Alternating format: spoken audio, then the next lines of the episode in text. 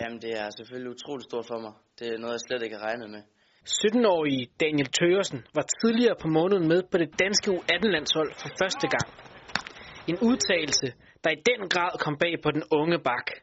Jamen, jeg fik en besked fra en af mine træner, Allan K. Jebsen, midt i en biologiteam faktisk, øh, hvor han skrev stort tillykke med udtalelsen til U18-landsholdet, og der fik jeg et kæmpe chok.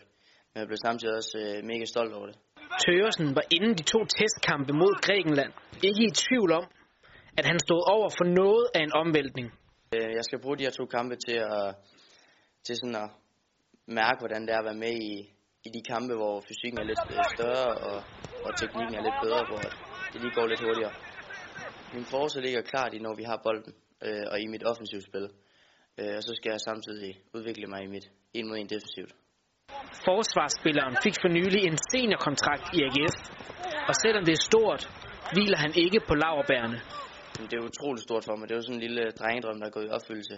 Øh, det er noget, jeg har set rigtig meget frem til. Øh, men de drenge, der er deroppe i Superligasrummet, de har allerede taget rigtig godt imod mig. Øh, så jeg ved, hvad det er, jeg kommer op til. Altså, mit første mål, det er at, at spille mig fast på AGF's første hold.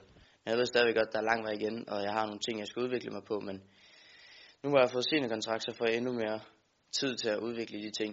Øhm, og så må tiden vise sig efter, hvad der kommer til at ske.